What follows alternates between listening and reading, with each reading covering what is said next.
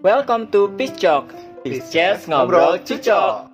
Selamat pagi, selamat siang, selamat sore, selamat malam semuanya. Ya, salam bahagia dan sehat selalu. Ketemu lagi sama Ari dan Aldis. ini kita di episode 2 ya Dis ya Ya. di Piscok. Hari ini kita mau ngomongin tentang apa nih? Eh, sesuai sama waktu ya. Iya. Cara ini kita udah Bentar masuk lagi. 2019. Eh, lagi hangat-hangatnya kan sebenarnya pemilihan umum, Umum. ya. Waduh. Pemilu gitu. Nah, Panas ya. Lo ini nggak lo Apa? partisan nggak? Lo hubungannya nih? Oke, ini nggak nggak boleh, Nggak boleh ya, nggak boleh. nggak Kita non partisan, ya, tenang. Piscok tuh tidak ada ditunggangi oleh kepentingan Tidak partai. dengan partai. Tapi tuh tau kalau kita disponsorin gimana kak? Oh ya, boleh juga sih. Baik. Enggak lah, kita harus ide- idealisme kita di mana, integriti kita di mana dong. Ya tahu-tahu kita Mm-mm. eh, kenapa sih kok ngomongin golput tiba-tiba ya? Enggak, Wak. ini gini sama sama sekali nggak ada hubungannya atau dengan campaign atau apa pun. Justru malah di sini kita pengen coba untuk eh, cari benang merah dan juga ibaratnya solusi lah mungkin ya. Insya Allah. Insya Allah. Nah, eh, kan kalau misalnya kita tadi dengan risiko kita takut dibawa eh, ditunggangi oleh satu orang tertentu, tapi kalau kita mau sih ngomongin ini, emang kenapa sih urgensinya? Apa sih sebenarnya? Kenapa kita ngomongin terkait dengan pemilu ini? Karena tahun ini tuh ada topik seksi ya di eh, lo tau gak sih yang kampanye Nur Hadi Aldo itu? Oh, calon fiktif itu ya? Iya itu kan eh, menurut gue mereka lumayan game changer sih Hmm. Eh, buat eh, apa ya eh, fenomena politik di Indonesia. Karena baru juga sih, sebetulnya nggak pernah ada yang kayak gini kayaknya. ya. fiktif tapi akses eh, engagement dan assessment sosial medianya tinggi banget Hmm, karena hmm. uh, respon publik oke ya? yes yes tuh. yes followernya kayak sampai dua- 240 ribu melebihi parpol Melalui parpol parpol-parpol. resmi yang Hmm. lain gitu kalau lo lihat di Instagram gitu nah mereka ini adalah awalnya jok-jok uh, Hmm. calon fiktif doang tapi Ya. kemarin ternyata pas di wawancara tempatnya Rosiana Silalahi ya di sebuah uh, ya. si Dimasnya ini si kreatornya ini bilang Kalau kalau uh, di negara maju ada namanya kertas putih dan Mm-mm. Rosiana langsung nembak ya politisi-politisi yang lain itu ya pasti bad heart lah Mm-mm. mereka udah keluar, kam- duit, dana kampanye kampanye. kok dia bisa Malah, gitu ya. kan Dan ya menurut dengan gua- jejaring it's I, I think it's something Hmm. new ya Iya iya iya. Dan ibaratnya kayak mewadahi kegalauan-kegalauan masyarakat zaman sekarang kan banyak tentang banget kayaknya ya. campaign yang menurut gue emang kita krisis politik sih kampanyenya udah nggak Mm-mm. sehat banget gitu loh Iya di tengah campaign yang kayak gini sih ya sebenarnya yang menurut gue sih wajar kalau mereka tuh punya engagement yang tinggi dan mereka platformnya langsung sosial media gitu. jadi yang kita mau ngomongin hari ini eh, kita dengan isu- kita mau ngupas Hmm. Sebenarnya sehat nggak sih kalau misalnya emang Nur Hadi Aldo itu mengkampanyekan Kan itu. tentang golput Ah, gitu. ah. Jadi kita mau bahas uh, pertama-tama itu Mungkin lebih ke dari golput itu sendiri itu sebenarnya ada nggak sih hukumnya secara belum ce artinya dulu. Oh ya ampun. Nah memang eh, dari segi ibaratnya definisinya sendirilah orang itu dikatain golput atau misalkan tindakan golput itu sendiri itu sebetulnya yang seperti apa sih? golput ya kalau misalnya yang sepaham gua itu ya mereka nggak mau milih aja. Mereka um, Tindakannya Abstain, berbagai ya. macam ya. ya berbagai macam tidak. Bisa dan macam-macam kan bisa yang nyoblosnya disalahin betul atau bisa dia nggak datang ke itu diatur ada undang-undangnya betul pak. Oh ada hukumnya juga ya ada sebenarnya. Nah, ada. menarik nih berarti. Kalau boleh tahu sebenarnya hukumnya itu sendiri di negara kita itu golput tuh kayak gimana sih dengan orang tidak memilih atau misalnya dengan adanya? Tindakan Eh, golput kita ini. lumayan beragam ya sebenarnya kalau misalnya lo di legislatif atau enggak pilkada Hmm. itu eh, yang dibilang si siapa tuh kreatornya Nur Hadi Aldo ada Hmm. kertas putih kalau misal misal kayak pilkada calonnya cuma satu dan mereka menang kan Hmm. yang si si, si kertas kosong itu menang Hmm. tapi pilpres itu punya undang-undang sendiri Hmm, yang oh, mengatakan beda ya, kalau ya. misalnya eh, kan ada dua nih calonnya harus dua Hmm. dan uh, dia baru bisa dikatakan menang kalau misalnya suaranya mencapai 50,1 persen. Oh gitu. Mm-mm. Nah kalau misalnya ada calonnya ada tiga kayak waktu dulu sempet kayak Tahun Megawati, SBY, SBY, Wiranto. Wiranto, ah, Wiranto ah. kan kalah tuh itu masih 30%, 30%, 14%. Hmm. Itu ada ronde keduanya. Oh, oke. Nah kan dicari dicari sampai 50,1 persen. Oh, I see. Heeh. Gitu. Ta- Nah, hmm, hmm, hmm. kalau misalnya lo golput di pilpres, menghamburkan dana enggak ya? kan, sayangnya suara lo nggak bakal kehitung. Oh. itu mirisnya oke. gitu jadi kayak eh kalau misal di beberapa negara lain kayaknya sih sama sih atau kayaknya Hmm. Prancis UK gitu-gitu sih sebenarnya ada hak veto ya. Oh, Oke. Heeh, namanya. Jadi memang- kayak udah ada memang beberapa opsi kertas kosong tapi kayaknya kalau untuk presiden gua agak ragu sih. Oke, jadi sebenarnya lihat dari kasus pemilihannya sendiri ya, jadi bukan dilihat hukumnya tuh bukan bukan dilihat dari si tindakannya, tapi di mana tindakan itu terjadi ya, lebih ke pemilihan apa dulu gitu kan? iya iya bener Hmm, menarik sih berarti kalau kayak gini ya. Jadi eh, kalau kita lihat balik dari pemilu 2009 dan 2014, ternyata dis Hmm. itu kita tiap tahun eh, punya rasio eh, golput, Golput. itu sampai 50 jutaan orang. Gede kan? Sumpah. Gede kan? Itu kalau orang orang Indonesia aja udah ada 200 juta gitu kan, itu kan berarti seperempatnya. Betul, 25%. karena pemilih aktif itu rata-rata adalah 172 juta sementara yang milih datang ke TPS itu cuma 120 juta 122 121 antara 122 orangan.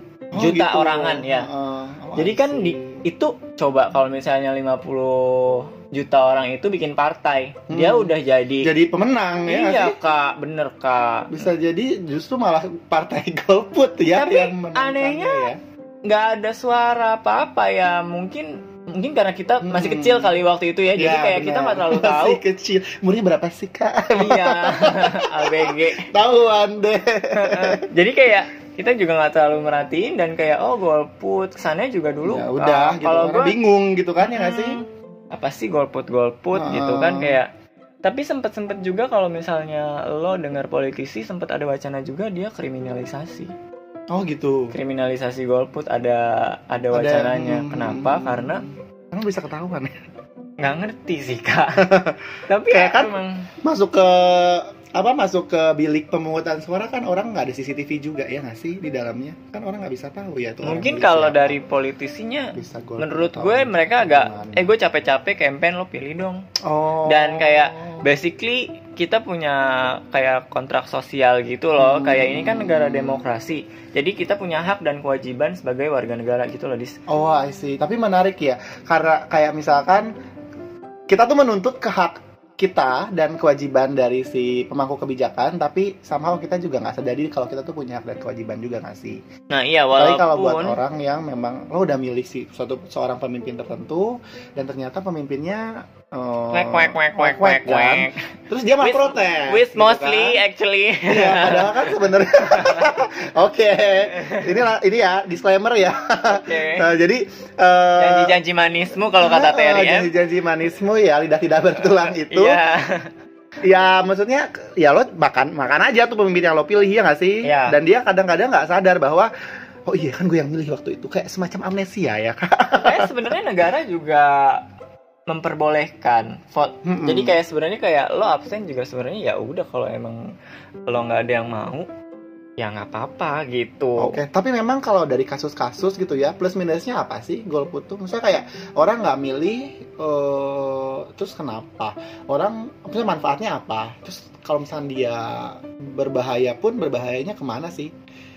Ada nggak sih plus minusnya tuh sebenarnya yang lebih yang cukup clear gitu dan cukup eh, eh, signifikan gitu? well uh, they will absolutely make it to publication sih pasti kayak Hmm. orang pasti juga bakal ada statistiknya kan kayak oh tahun ini golput berapa cuman uh, pemerintah tuh did nothing Iya iya gitu iya iya benar-benar. selama Karena kayak ini seakan-akan berasa ya it's nothing gitu kan nggak iya apa-apa iya juga. iya nah nah karena karena si dildo ini naik ke Oh iya, dildo itu apa dulu? Tol- Tolong mohon diluruskan ya. Ini banyak netizen netizen yang mengawasi. Dildo Oke, itu apa si nih maksudnya? Aldo ini campaign Aldo baru ini ya. kesel kali ya kalau menurut gue sih gue liatnya mereka jadi kan ada fenomena buzzer kan itu ganggu nggak sih lo Hmm. ganggu nggak sih lo gue sih dua part kedua partisan gue gue gue jujur ya kayak eh, apa ya mulai gengges gitu kalau misalnya tiba-tiba gue nge-tweet apa yang tentang harga cabe terus tau tahu kayak oh ini kalau kalau memimpin yang ini begini-begini gitu Ya, kan ya, kayak ya, ya. Kompor. Tahu-tahu ada aja yang nyerangkan dari Kompor, mana ya. akun terus nanti ada akun Ah. kopinya lagi tuh komen komen komen komen komen komen gitu Iya kan bener sih menarik di Indonesia itu memang ya buzzer di mana-mana ya sebenarnya ya kompor-kompor itu Sekedar mengingatkan. sekedar mengingatkan kita juga agak deg-degan sebenarnya mau tag episode 2 ini tapi Ya, jadi kayak banyak uh, fenomena yang justru kayak memisahkan uh, masyarakat Indonesia yang sebenarnya plural. Nah, Mm-mm, itu benar, menurut benar, gue, benar. uh, Itu nah berarti- yang orang-orang nggak bertang dan menurut gue ya orang-orang di atas ini kurang bertanggung jawab sama strategi politiknya kayak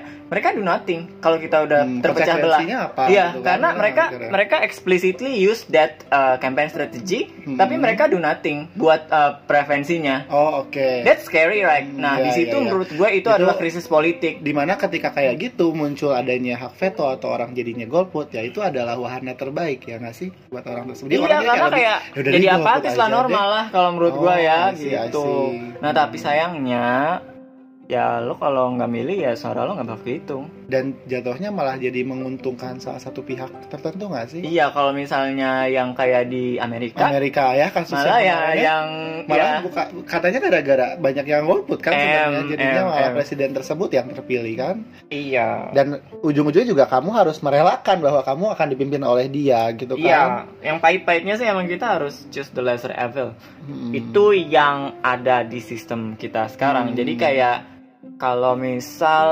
uh, kita harus lihat strategi catur misalnya kayak oh kenapa nih si A milih tahu-tahu yang A Yang kita A, pikir adalah progresif tahu-tahu milih wakilnya yang, yang uh, agamis agak kurang, tiba-tiba uh, gitu. Uh, padahal kita Indonesia demokrasi levelnya baru turun gara-gara kasus Ahok. hmm, hmm, hmm. Kayak kalau misalnya ah lo progresif ya udah pilih aja calon Pilih yang progresif.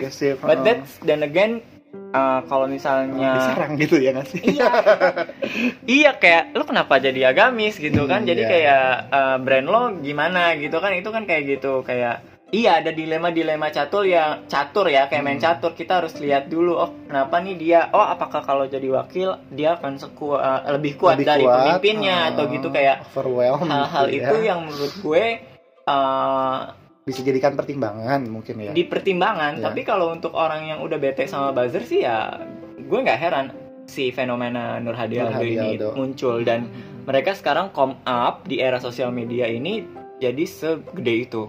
Ada kemungkinan nggak sih mereka itu jadi oknum atau jadi salah satu? Jadi ormas malah ya dengan engagement yang tinggi dan eh, aktivitasnya dia yang banyak responnya oke gitu dari masyarakat kalau sosial media wise ya mereka udah masuk movement cuy movement sih sebenarnya Oh, oh, tapi mereka ini nggak sadar gitu sayangnya kalau benar kalau- kalau mereka itu tindakan telah mereka itu political political ya Yes, yes. sebenarnya apalagi di isu kayak gini ya dan Heeh, dia jadi kayak- timelinenya juga pas sih sebenarnya Kalau dibilang orang terlalu expect too much from viral jokes, uh, that viral jokes That is a viral politic joke, statement. ah, sih Gitu. Jadi It has kayak ya. iya ada konsekuensi. Jadi kayak uh, di satu sisi gue kebayang sih kalau gue udah buang kayak buang dana kampanye ya.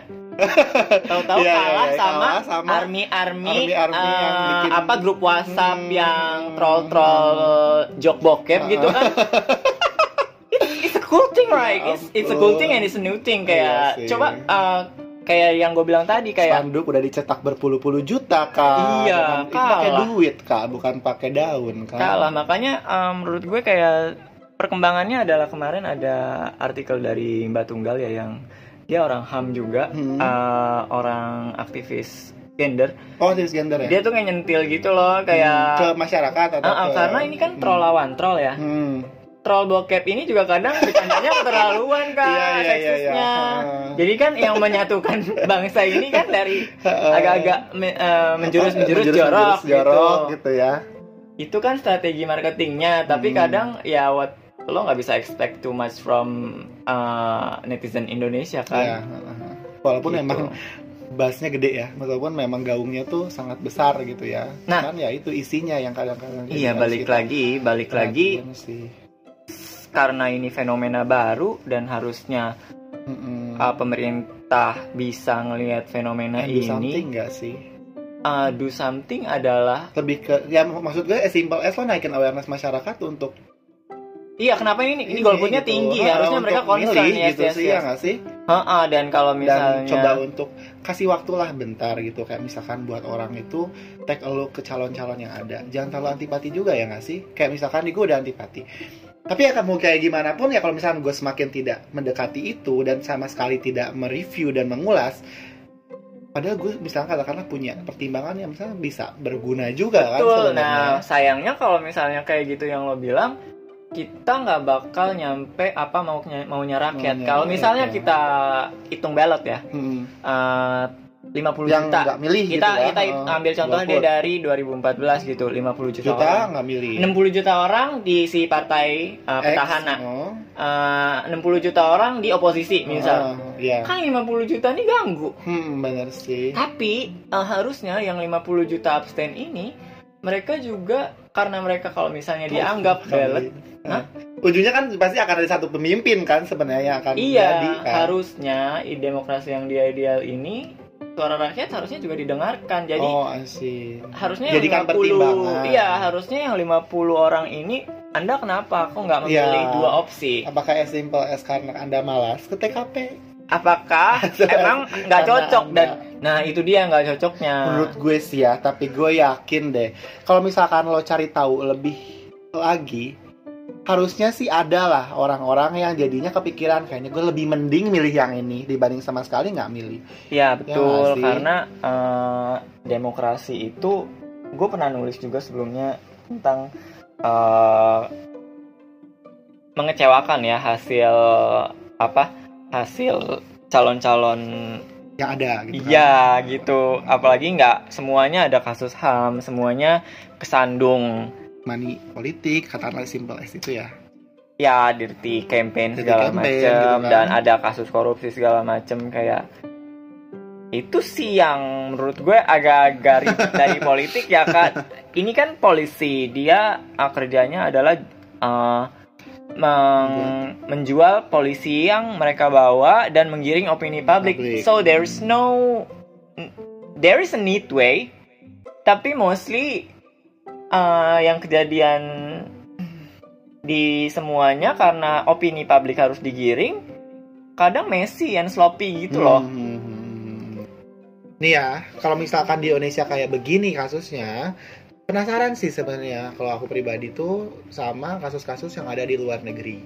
Ada nggak sih sebenarnya kasus katakanlah suatu negara yang oh orangnya tuh pada golput, terus karena orangnya golput banyak gitu terus itu mempengaruhi ke decision di gimana decision political decisionnya gitu.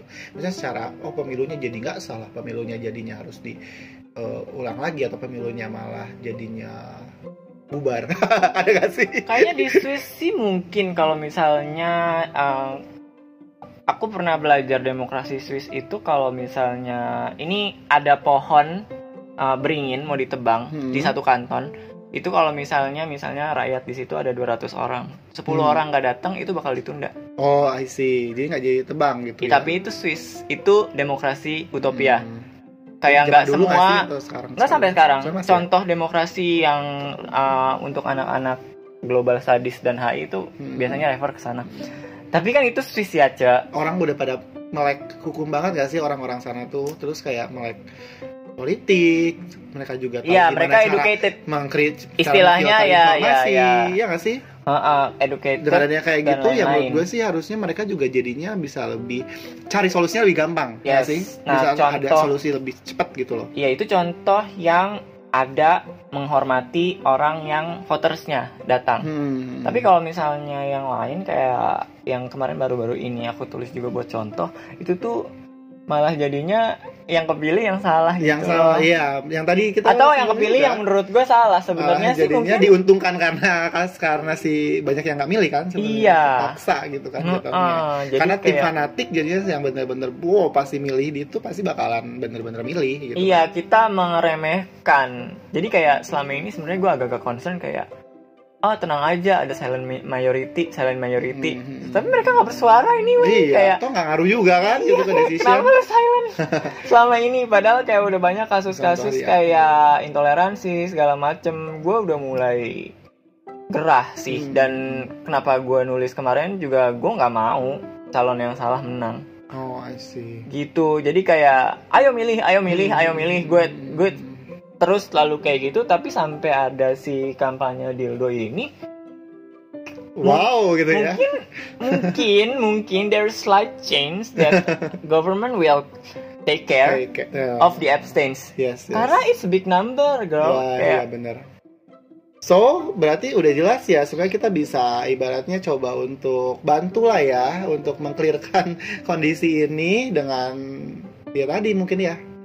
Pertama, ya lo coba untuk bener-bener dalami dan review beberapa.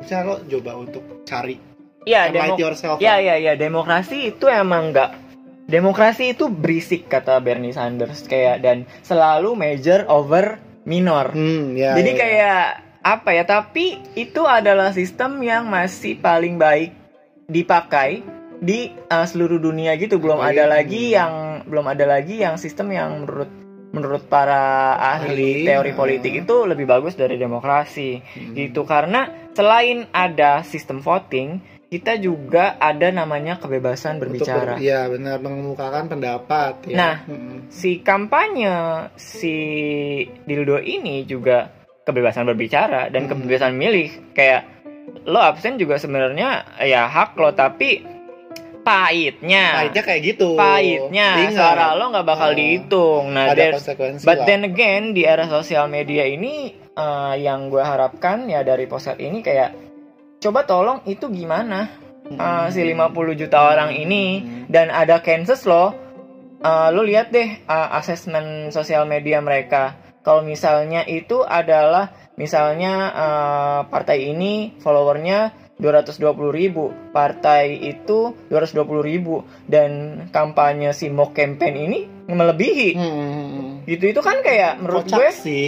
kan? menurut gue kalau misalnya lo mau sampling ya lo mau sampling bisa bisa aja ntar lebih tinggi bo Heeh. gitu karena mereka eh, secara nggak sadar mereka campaign Iya benar. dan ternyata message-nya kan kayak mereka kecewa kan sama calon yang ada gitu jadi menurut gue sih harapannya ya pemerintah bisa ngelihat ini mau diapain nih Ya dari pemerintah adalah ya tindakan yang bisa bantu Mm-mm. untuk juga mencairkan suasana, terutama buat mereka-mereka yang mendominasi itu ya.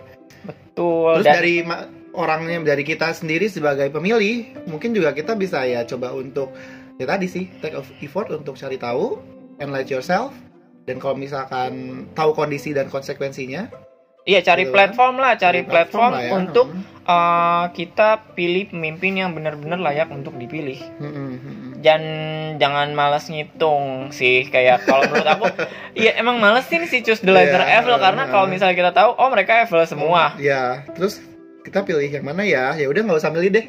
iya jadi kan kayak hitung hitungannya sih emang fair banget ya sih. tapi kayak yakin kayak risk ratio-nya gitu Iya, loh. yakin kayak ini dia gitu. Jadi kayak- ya?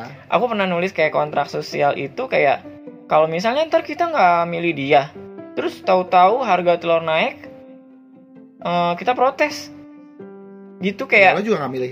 ya lo nggak milih gue anyway sih, kayak lo nggak nggak bisa nagih janji gue dong walaupun kita tahu kan politisi semua kayak janji manis gitu kan Iya, tapi benar, kayak benar, benar.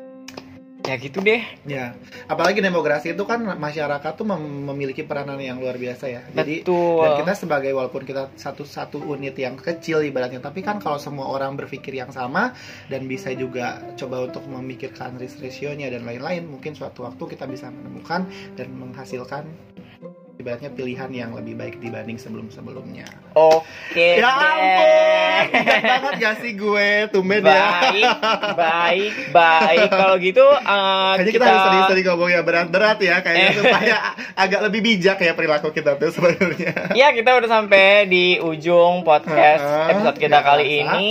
Mhm. Eh, terima kasih udah pada dengerin Ya, stay tune di episode-episode selanjutnya. Jangan bosan ketemu dan dengar suara kita. di uh, Peace Pisces, Job episode Pisces, ngobrol cucok bersama Ari dan, Dan Aldi. Sampai ketemu jumpa. minggu depan. Dadah. Minggu depan nggak tahu sih. Bye.